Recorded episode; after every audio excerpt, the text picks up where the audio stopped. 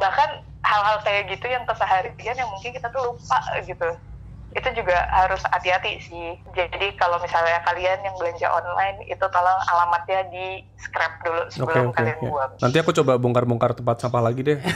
Ini aku hancurin Kita dulu. sobek-sobek, kita bakar.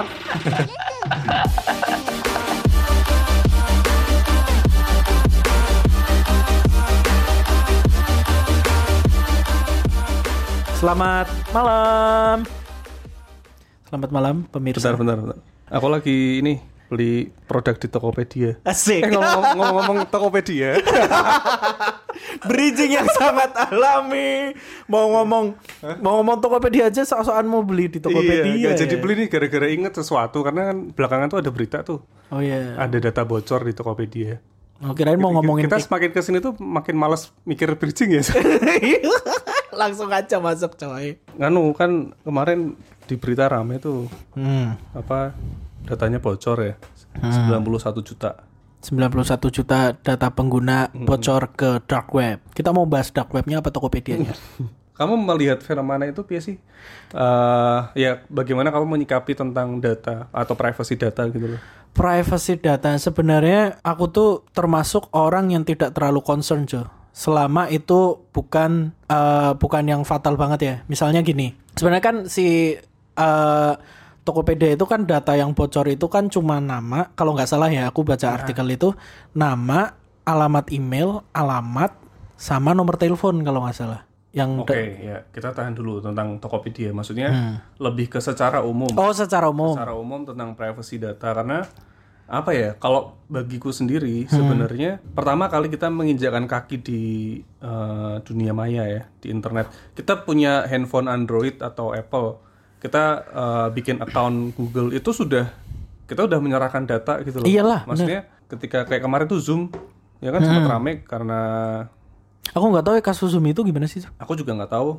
Tapi ya gimana gak ada yang tahu. Ta- tapi yang yang aku dengar adalah orang tuh panik karena concern tentang keamanan data di Zoom, takut di hack atau datanya diambil dan segala macam gitu.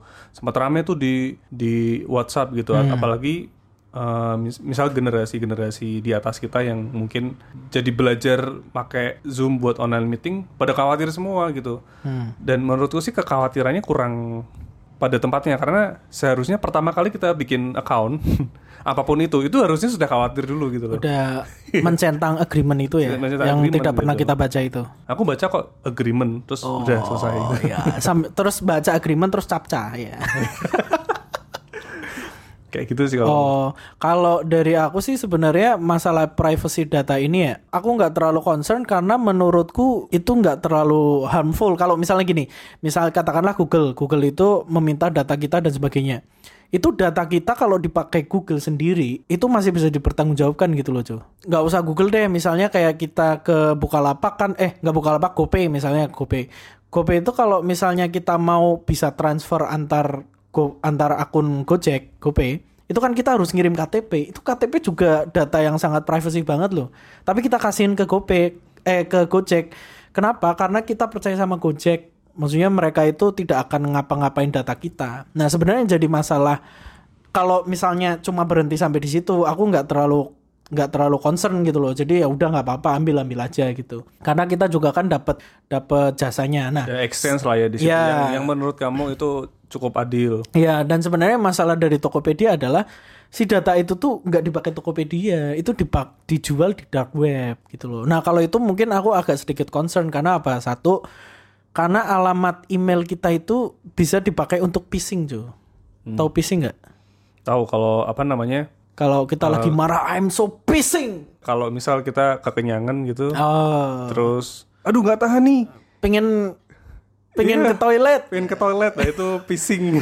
Oh, ada, ada, ada. Oke, tadi sama mana tadi? Iya, jadi alamat kita itu bisa jadi untuk phishing. Phishing itu Ah. penipuan di internet gitu loh. So. Kamu pernah pernah nggak sih dapat email Iya, kayak your account has been lalalalala misalnya dari ngakunya dari Instagram. Terus Hmm. dari uh, untuk memperbaiki ini silakan klik di link di sini. Aku dulu pernah soalnya kena phishing kayak gitu. Hmm. Oh, Untungnya Oke, jadi itu link yang salah, tapi ketika tapi Enggak. mirip kan, mirip dengan Gini, phishing itu sebenarnya penipuan. Jadi Ah. misalnya aku tahu kalau Tokopedia kalau ini tuh email yang dipakai di Tokopedia. Nah, untuk bisa masuk ke akun Tokopedia-nya aku, si penipu ini membutuhkan alamat emailku gitu loh. Sebagai misal sebagai penipu gitu ya. Itu ngaku sebagai Tokopedia ngirim email ke emailmu yang misalnya dipakai buat di Tokopedia. Kata-katanya meyakinkan dan sebagainya. Misalnya terjadi penipuan dan sebagainya untuk mengambil kamu harus klik link di bawah ini. Oke. Nah, link itu nanti menuju ke website seperti Tokopedia yang sebenarnya itu bukan Tokopedia.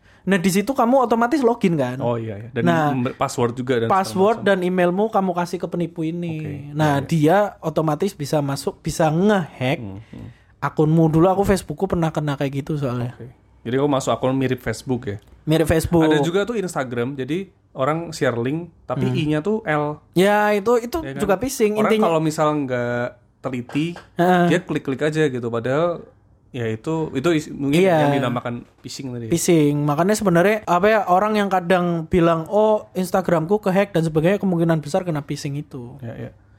Tapi kalau kamu tadi bilang hanya hanya nama dan password dan nomor telepon, email dan segala macam itu gini, kemarin aku sempat ngikutin ini eh, akun Twitter namanya Ismail Fahmi. Jadi dia itu praktisi big data gitu lah Oke. yang punya drone emprit.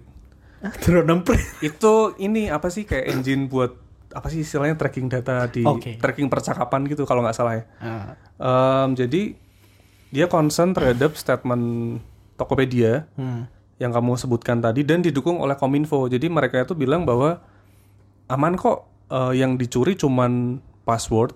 Eh bukan bukan sorry password aman. Yang hilang hanya hanya nama dan segala. Padahal data-data seperti nama, email, telepon, tempat lahir itu tidak kalah pentingnya. Jadi dia sempat juga coba deh ini kalau kalian punya data ini nih satu juta aja.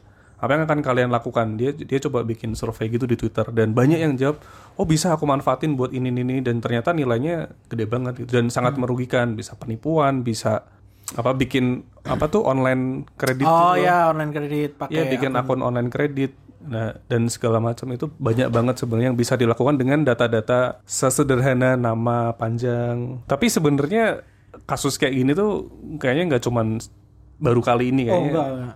Sebelum-sebelumnya pernah pernah denger ini gak sih, Jo? Cambridge Analytica. Iya iya. Kasus jadi Cambridge Analytica Facebook, itu Facebook. Facebook. Cambridge Analytica itu sebenarnya dia itu agensi agensi statistik kalau nggak salah tuh. Hmm. Jadi si Cambridge Analytica, Analytica ini diduga menggunakan cara kotor untuk mendapatkan data yang nantinya data itu digunakan untuk eh, social engineering di kam- kampanye Presiden Trump dulu. Hmm, ya ya ya. Jadi gini, dulu pernah kan ada Facebook yang ini loh, yang kamu siapakah tokoh Harry Pottermu gitu loh. Nah itu kalau misalnya kita mainan itu, itu sebenarnya kita secara tidak langsung itu ngasih game-game buatan di Facebook ini untuk menyerahkan nama pribadimu, emailmu, kamu tinggal di mana profil lah, profil gitu dan sebagainya. Dan si apps eh, game ini nanti data-data itu dijual. Nah, salah satunya dijualnya ke ke itu ke Cambridge Analytica. Terus? Ini sebenarnya sama aja kayak Tokopedia tadi gitu, ngejual data. Umumnya eh, apa yang dilakukan dengan data ya dengan itu ya. Nah, salah satunya itu ya bisa phishing itu, terus kedua itu ya social engineering itu. Tapi pastinya kan ada term and condition gitu loh. Ya. Misal games-games itu kan ada ya kita memang secara terbuka collect data kalian kok tapi tidak akan kami gunakan untuk game Ya, gitu, sebenarnya salahnya Facebook, Facebook itu ngasih akses. ngasih akses ke ke game ini untuk mengakses data-data kita. Makanya kena, tapi yang kan kena bukan Facebook berarti juga. kita nggak boleh mainan game kayak gitu kan. Sebenarnya nggak usah sih, Cu. Ngapain sih mainan? kamu itu lebih penting. kamu itu tokoh Harry Potter apa gitu ya daripada ini data pribadimu. Padahal kita nggak usah main game tanya temen aja, eh, menurut Iya. kamu aku tuh lebih mirip siapa sih di Harry Hagrid Potter? gitu bisa. Udah cukup ya sebenarnya. Iya betul. Yang tahu itu ya fun-fun gitulah Iya, mak- makanya ceritanya di Facebook. Makanya sekarang kan udah udah nggak ada kayak gitu-gitu. Kesenangan yang nggak seberapa ditukar dengan resiko yang lebih besar sebenarnya. Iya, ad- ada lagi tuh dulu. Sebenarnya kasus-kasus pencu- bukan pencurian ya.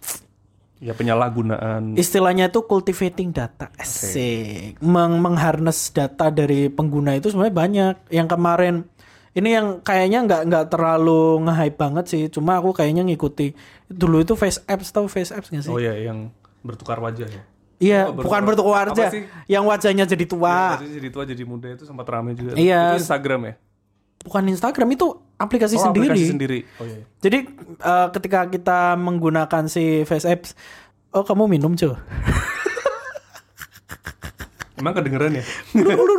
kan ini udah udah buka ini. oh iya betul. Ini kan kita syuting jam 7. 7 pagi. Males banget dibahas lagi. Ya gitu. Jadi Face App itu pas lagi heboh itu, aku tuh sengaja nge, nge-google. Jadi Face App itu ketika kita menggunakan itu apa sih yang allow-nya yang yang data yang kita kasih. Salah satunya itu kita menggunakan menggunakan HP apa itu bisa di tracking. Jadi kayak misalnya ketika kita menggunakan Face Apps, kita mencentang accept itu yang sebenarnya dalamnya nggak pernah kita baca. Nah di dalamnya itu salah satunya adalah memberikan informasi kita itu pakai smartphone apa, kita tinggalnya tinggalnya di mana. Iya, iya. Jadi sebenarnya tujuan dari Face App itu selain kita selain ngasih pengguna itu jasa untuk seru-seruan, sebenarnya yang di belakang itu ada sesuatu yang lebih besar. Itu mengakses informasi kita gitu, Yang jarang dibaca ya. yang jarang Tapi nggak berarti kalau menurut kamu harusnya kita membaca dulu. harusnya nggak usah main deh. Iya maksudnya. Karena nggak semua orang Maksudnya oke deh kita aware dengan Eh tapi di di Play Store masih ada nggak sih ya Face Apps? atau Itu sebenarnya secara nggak tahu ya, secara secara etika kayaknya kurang sih untuk. Tapi ya orang kita yang ngasih accept kok. enggak maksudnya kalaupun kita jadi orang yang aware terhadap privacy data ya. Hmm. Oke deh, setiap ada aplikasi baru yang lagi viral, Hmm. kita baca dulu nih agreementnya gitu. Tapi Iya. aduh, percuma aku pengen cepetan kelihatan muda gitu. kan. Iya. Ya udah kan tetap, Tapi bisa juga. tetap aja gitu. Iya. tetap aja dicentang terus main gitu. Tapi aku ya, maksudnya aku sebagai secara pribadi itu nggak keberatan sih kalau misalnya informasi-informasi itu diketahui gitu loh. Kamu diet ya? Ah, kok bisa diet? Kan nggak keberatan. Wah, nggak sebenarnya aku nggak keberatan karena gini, Karena aku yo uh, bukan kuliah, aku concern ke marketing gitu loh. Jadi aku ngikutin marketing dan sebagainya. Sebenarnya itu salah satu tools yang sangat powerful untuk untuk marketing. Ya kan dari sudut pandang si marketersnya, ini yeah. kan iya. dari sudut pandang pengguna gitu. Iya intinya sebenarnya nggak semua orang, nggak semua pengguna itu pemi sepemikiran sama aku gitu loh Jo. Untuk Jadi kamu ngasih- it's okay uh, jual dirimu gitu ya? Ini Enggak, kan maksudnya datanya pakai-pakai aja nggak apa-apa, santai Yang gitu. kamu dapat- Soalnya emang emang nggak harmful juga nek menurutku ya. Maksudnya ketika aku ngasih HP ku pakainya apa gitu, terus aku posisinya di mana, itu nggak terlalu harmful sih. Soalnya so far fine fine aja. Nggak tiba-tiba ada psikopat terus tiba-tiba datang ke kosanku. Aku gitu. pernah uh, jadi lima tahun lalu itu ada video um, yang bilang bahwa satu data kita di Facebook itu senilai serat lima eh 12 US dollar Oke. per data satu data akun Oh. pribadi kita itu lima tahun lalu nggak tahu kalau sekarang nilainya berapa ya maksudnya artinya kan ya yang hanya sekedar data pribadi itu ada nilainya gitu Kalau misalnya dilihat dari segi bisnis ya kayak gitu emang. Cuma ya again maksudnya nggak semua orang pendiriannya kayak aku. Ada beberapa orang yang emang concern banget sama data privacy. Aku tuh habis lihat ini juga nih ada dokumen itu Dokumen rancangan undang-undang ini kan lagi lagi lagi rame rancangan undang-undang perlindungan data pribadi Oh. yang Ini gara sekarang baru ada.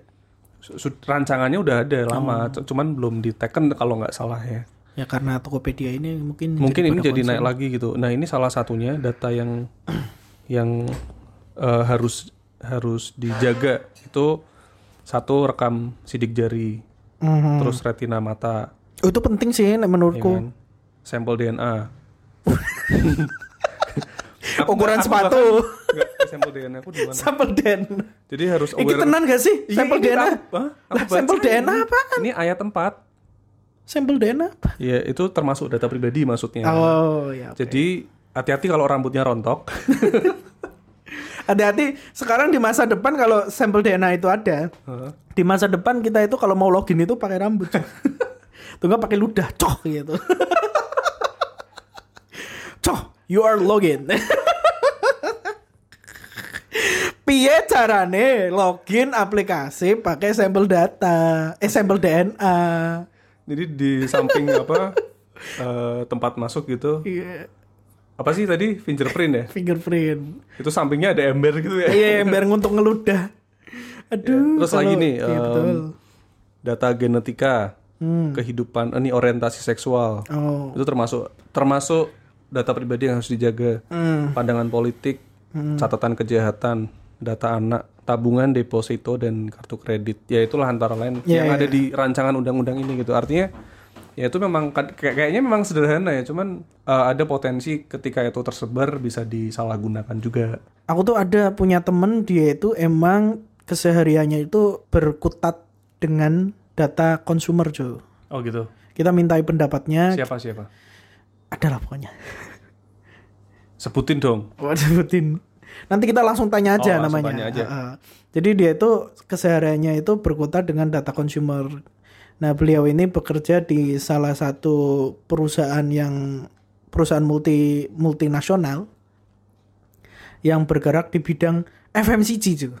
Apa itu FMCG? Fast moving consumer goods Oh. atau barang-barang kelontong kalau bahasanya. Iya. Nanti kita kita telepon dulu. Kita tanyai pendapatnya gimana tentang data privacy ini. Ya udah kita telepon dulu aja Iya, ya iya. eh, temanmu tadi. Enggak ada suaranya. Halo, Triana. Kalau Triana Hai, Iya, apa kabarnya? baik. Baik. Oh ya, gua ini lagi ngomong sama Triana. Triana itu di kerjanya sebagai apa? Business Solution Manager ya. Posisi sekarang. Posisi sekarang Business Solution Manager. Nah, kemarin kita sempat ngobrol-ngobrol ada beberapa salah satu eh, yang berkutatnya itu adalah di data consumer, bener ya? Iya betul. Jadi eh, salah satu yang gue kerjain sekarang itu terkait dengan solusi di teknologi informasi yang salah satunya dipakai buat eh, consumer data sih terkait dengan membership. Oh, oke. Berarti mengelola data berapa user tuh? Berapa consumer tuh? Waduh, boleh kasih tahu nggak ya? Oh, iya, Oh, nggak boleh ya? Masa kalau nggak boleh nggak apa. Ratusan Yang juta pasti pokoknya. lebih dari 10 ya. Oh enggak, pasti lebih banyak lagi lah. Iya, iya. kira-kira. Enggak sih, paling apa ya? Aku mungkin dari sudut pandang user atau consumer gitu. Sebenarnya kadang ada rasa khawatir juga gitu ketika aku sign up ke satu website gitu. Eh, sebenarnya yang terjadi dengan dataku di sana tuh apa aja sih gitu? Ada yang bertanggung jawab nggak gitu? Kalau kita ngomongin tentang kayak gitu sih, balik lagi teman-teman, tolong jangan males dibaca. Biasanya itu ada TNC-nya, meskipun panjang ya. Oke, ya.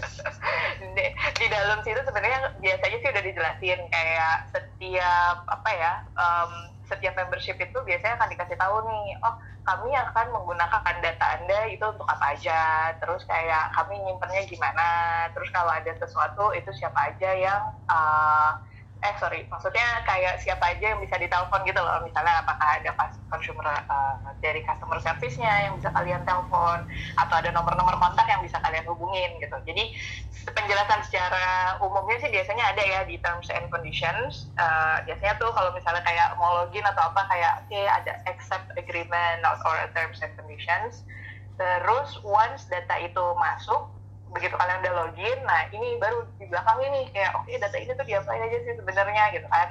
Nah begitu data itu masuk sih biasanya kalau itu terkait dengan membership data di dalamnya kita ada beberapa sih. Misalnya nih sering nggak sih kalian pas jadi membership itu suka dapet pertama nih biasanya tuh email.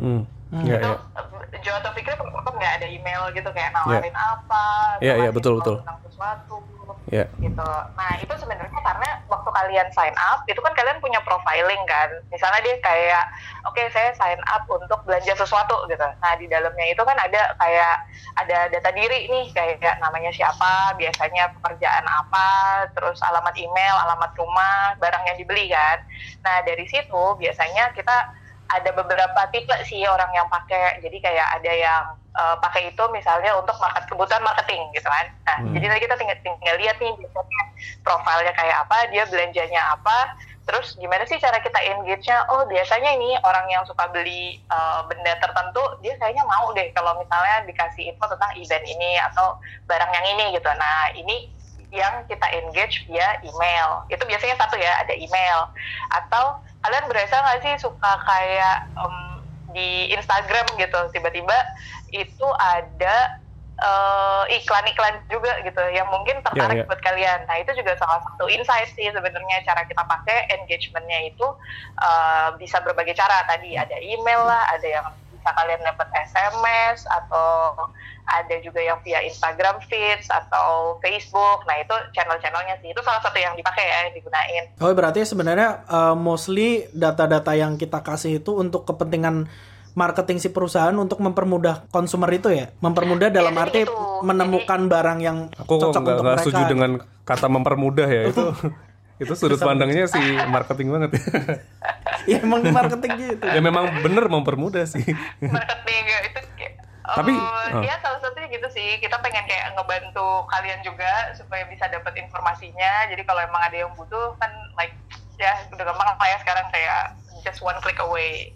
Ya, okay. Tapi intinya uh, ketika kita sudah baca TMC terus apa namanya sign setuju gitu kan artinya kita sudah setuju dengan memberikan akses untuk untuk tadi orang kirim email, orang kasih iklan di sosial media. Sebenarnya mulai dari situ kan. Iya, jadi eh, memang titik awalnya adalah di situ. Jadi kalian pada saat daftar itu kayak ngasih kita nyebutnya konsen. Jadi mengizinkan data kalian digunakan untuk apa aja. Nah, itu harus disebutkan di dalam terms and conditions gitu. Yang orang-orang jarang baca juga gitu ya. Exactly. Yang biasanya ya kalau gue itu akhirnya at least supaya kalian baca kalau misalnya uh, apa sih ada ada Windows pop up gitu, hmm. kalian tuh baru bisa klik next atau agree kalau kalian udah di scroll. Oh, udah di scroll oh ya ada beberapa aplikasi. Tapi tetap sih aku scroll, scroll aja doang sih. eh tapi sebenarnya di terms and condition itu kan banyak nih apa sih sebenarnya yang yang ketika menemukan apa yang akhirnya kita oh kita kayaknya jangan sih pakai aplikasi ini tuh apa?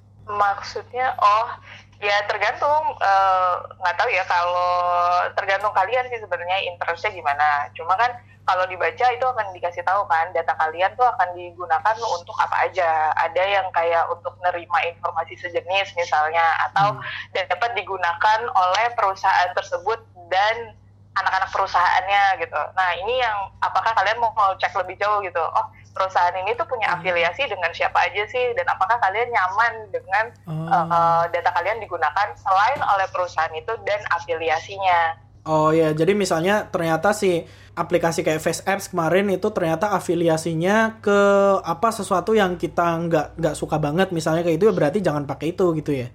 Iya, tapi kan biasanya susah dong karena kalian kayak mau sesuatu dari Face App misalnya yeah. dan ternyata kalian harus sign in gitu. Iya. Iya kadang kayak tricky gitu loh, maksudnya uh, kita emang niatnya tuh pengen pakai Face App biar kelihatan lebih mudah gitu misalnya kan kita udah baca panjang lebar wah ini kayaknya data ini akan lari ke perusahaan-perusahaan yang aku nggak suka semua nih ini bahaya nih. Tapi udah udah terlanjur butuh gitu udah terlanjur pengen pakai aplikasinya gitu. Nah itu mungkin sebenarnya masyarakat Indonesia nya enggak Indonesia ya mungkin masyarakat pada umumnya itu kejebaknya di situ kali ya. Ya, ya. tapi ada nggak sih Triana aku mau tanya nih kalau uh, ya sebagai istilahnya pengelola datanya ya pengelola data user gitu um, ada etikanya nggak sih? Etika yang harus diikuti dan segala macam gitu? Atau aturan-aturannya gitu? Ada sih, maksudnya beberapa guideline itu udah jelas ya. Kayak mungkin kalau kalian tahu yang sempat booming banget itu kan terkait dengan Facebook gitu, itu kan benar-benar boom banget nih. Di situ ada penyalahgunaan data dan lain-lain gitu. Nah dari situ sebenarnya sih negara itu punya aturannya masing-masing gitu kan, yang paling uh, yang paling gede banget dan salah satunya yang menjerat Facebook juga itu adalah aturan di Europe Union. Nah di Eropa sana itu mereka punya namanya GDPR, Global Data Protection-nya, dan di dalamnya itu diatur tentang gimana sih kalau data-data citizens ini ini ngomongin tentang data citizens Europe ya, dan berlakunya tidak hanya untuk sistem yang ada di Eropa, tapi intinya kalau sistem lo itu punya data yang kira-kira ini adalah datanya Europe Citizen itu bisa jadi juga kena ikutan dengan aturan itu gitu. Nah makanya kemarin kan kayak meskipun GDPR ini di Europe tapi kenapa Facebook yang misalnya di US kok dia kena juga gitu? Oh karena aturannya seperti itu. Itu kan tapi di Europe Union. Sedangkan kalau di Indonesia sendiri kita juga punya sih sebenarnya undang-undang gitu kan UU ITE. Tapi di UU ITE itu belum sampai benar-benar detail banget kayak uh, data apa aja yang boleh dikolek atau berapa lama sih yang uh, data itu bisa disimpan dipakainya buat apa aja. Itu sih belum sampai segitunya ya. Jadi yang namanya data pribadi pun masih dalam hmm, ini kalau gue nggak salah inget ya karena gue juga gak punya dokumennya sekarang. Tapi ada salah satu pembahasan kalau kalau di Indonesia itu ada tentang menjelaskan data pribadi. Data pribadi itu apa aja sih? Intinya adalah sesuatu yang bisa dipakai untuk mengidentifikasi ini tuh data punya siapa gitu jadi kalau misalnya ini data nama doang gitu kan, kan itu baru nama nih, misalnya ada Joe, ada Fikri, tapi kan kayak oke okay, ada banyak banget Joe dan Fikri gitu kan. Tapi misalnya di dalam sistem itu kalian punya ada oke okay, Joe terus uh, alamat emailnya ini gitu. Nah itu kan udah langsung ketahuan nih, oh ini tuh Joe yang ini loh, jadi kalian berhasil diidentifikasi gitu. Nah ini kalau udah terkait dengan penyimpanan data pribadi di dalamnya itu Indonesia sih udah mulai bergerak ke arah sana di mana pemerintahnya tuh udah mulai kayak oh berarti sistemnya tuh harus punya uh, standar-standar tertentu gitu kan. Tapi ini kalau di level undang-undang dia kan hanya kayak guidance point-point yang harus diikuti. Tapi kayak ibaratnya detail-detail di dalamnya itu belum sampai segitunya. Tapi ada beberapa yang sudah dijelaskan terutama yang terkait dengan transaksi elektronik. Contohnya kayak oke okay, transaksi elektronik itu uh, berarti misalnya nih ada tentang pembayaran harus seperti apa. Terus yang kemarin sempat juga uh, membuat semua orang yang bikin sistem informasi ini agak agak apa ya agak jadi concern adalah karena sempat ada aturan di mana data yang data orang Indonesia itu harus ada di Indonesia yang mana hmm. berarti servernya harus ada di Indonesia gitu kan sedangkan pada saat itu kita semua tuh kayak waduh masalahnya bukan apa-apa sih, tapi uh, karena kita udah terbiasa yang namanya server tempat kita nyimpan data itu, ya yang penting kita cari yang mumpuni gitu, yang bisa dan itu lokasinya not necessarily ada di Indonesia physically gitu. Jadi ini salah satu aturan yang sempat dibikin uh, bukan sempat dibikin, emang udah ada ada di undang-undang gitu kan terkait dengan itu gitu. Jadi kalau ditanya ada aturannya ada ada yang ada yang akhirnya mengarah ke GDPR karena itu salah satu yang besar. Tapi jangan lupa negara tempat kalian berada gitu. Jadi kalau di Indonesia ya biasanya kita lihat dari peraturan-peraturan Kemeninfo Oke, okay, berarti memang sebenarnya uh, perlindungan dari pemerintah sudah sudah mengarah ke sana juga ya meskipun maksudnya belum belum lengkap lah gitu. Kayak ini kan masih ada RUU PDP itu kan yang belum belum disahkan juga ya. Sejauh ini sih kayaknya belum ya aku dengerin hmm. sih masih ini apa masih masih dalam pembahasan lah tapi emang udah sempat keluar sih kayak draft dokumennya untuk dibaca dan untuk persiapan bahwa oke okay, kalau ini diberlakukan karena biasanya gini uh, kalau di Indonesia sendiri sejak undang-undang diberlakukan orang-orang itu kayak dikasih jangka waktu gitu loh di dalam okay. dokumennya yeah. sejak ini diberlakukan maka kalian harus comply dalam sekian bulan ke depan gitu biasanya sih ya ada, ada jangka waktunya lah di dalam dokumen itu. Oke okay, oke okay. uh, mungkin terakhir nih uh, kalau dari Triana sendiri gimana sih bersikap dengan dengan privacy data gitu mungkin ini bisa satu hal yang yang nanti dicontoh lah sama uh, teman ngobrol kita ya kan pendengar kita gitu. Uh, misalnya tadi uh, oke okay lah harus rajin-rajin baca uh, term and condition atau apa lagi gitu. Sebenarnya sih oh ini kalau ini in general atau kalian pengen lebih ke membership atau pada saat kalian login terus jadi member sesuatu? In general aja sih maksudnya kita harus uh, kita itu harus gimana sih berlaku dengan data pri data privacy ini? Gitu. Ya sejauh mana kita harus aware dengan privacy data? Ya dan kalau misalnya itu data bocor itu kenapa gitu? Kenapa kok kita harus aware? Oke, okay. soalnya kalau soal data tuh lumayan sih. Um, pertama adalah harus diakuin orang Indonesia tuh sukanya sharing kan. Ya. kayak lagi di mana tuh lapor yeah. apa update story lu, lu banget mungkin nih kalau kalian ada yang sekarang emang udah nggak hits banget tapi dulu tuh ada namanya Foursquare. Oh iya Foursquare. Di mana-mana nah, cek cek di mana gitu ya.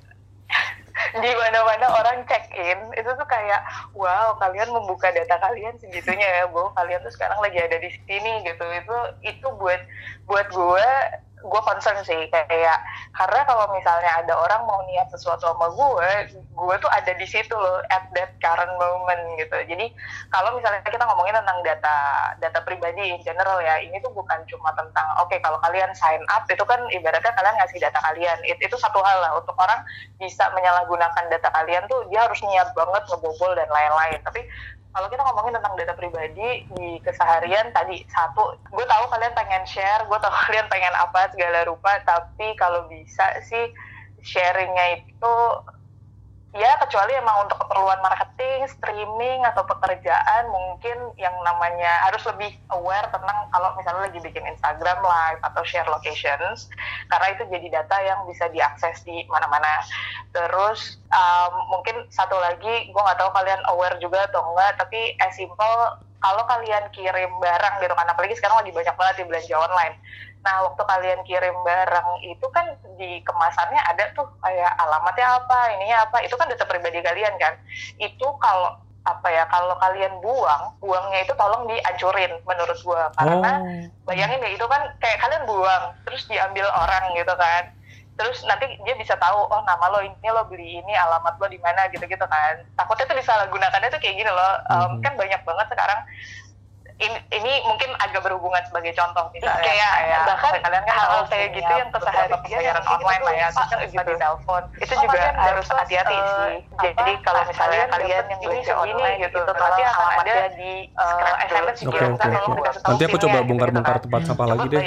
Ini aku hancurin Kita dulu. sobek-sobek, Oh, kita ya, namanya bakar.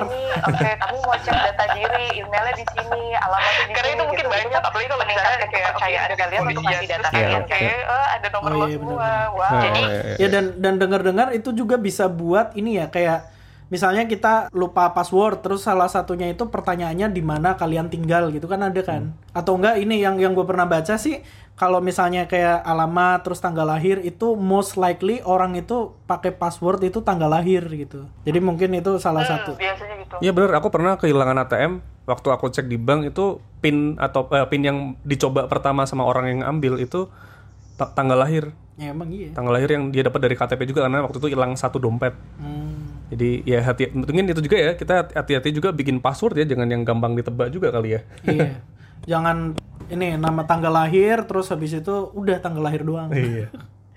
ya udah gitu aja ya gitu aja ya nak makasih banget waktunya Iya, obrolannya insightful banget Oke.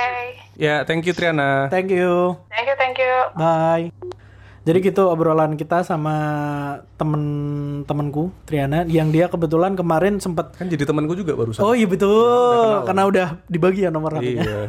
Iya kemarin aku kepikiran sih untuk ngajak ngobrol dia karena emang sebelum sebelum kita memutuskan untuk oh iya kita mau ngobrol masalah data privacy ini itu sempat ini sempat ngobrol panjang lebar masalah data privacy. Dan dia salah satunya yang setuju bahwa data sekecil apa pun itu jangan sampai bocor. Bahkan nama alamat email gitu. Maksudnya itu berlawanan sama aku gitu loh Jo. Jadi makanya itu Oh, Oke, oke. lumayan jadi obrolan kemarin. Iya, iya. Makanya kadang gini sih ada yang bilang juga bahwa teknologi itu jauh lebih mengerti kita daripada kita sendiri. kita sendiri gitu.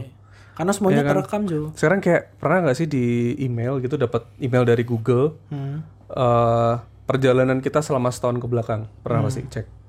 Oh, itu sebenarnya ketika kita buka maps, Aha. kita buka maps terus di tab history itu kita bisa lihat Ada kita kan? dari Iya. mana aja.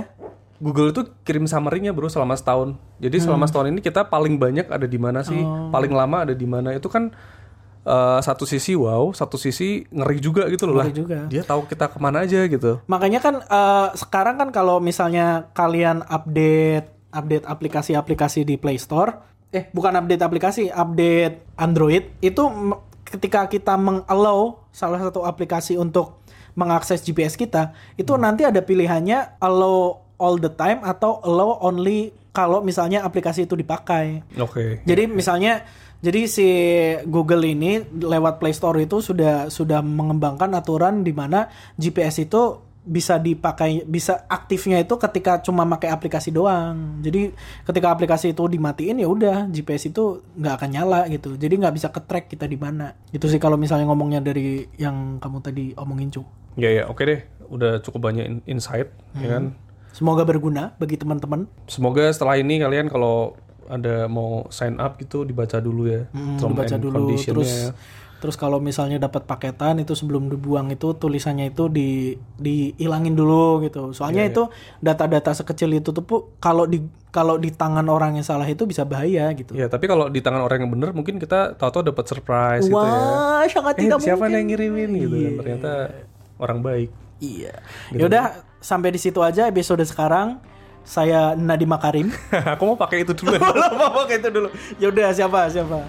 Saya em, Joni Plate, waduh, eh, Joni Plate siapa ya? Menkominfo. Oh, Menkominfo. Iya kan? Ya, bye.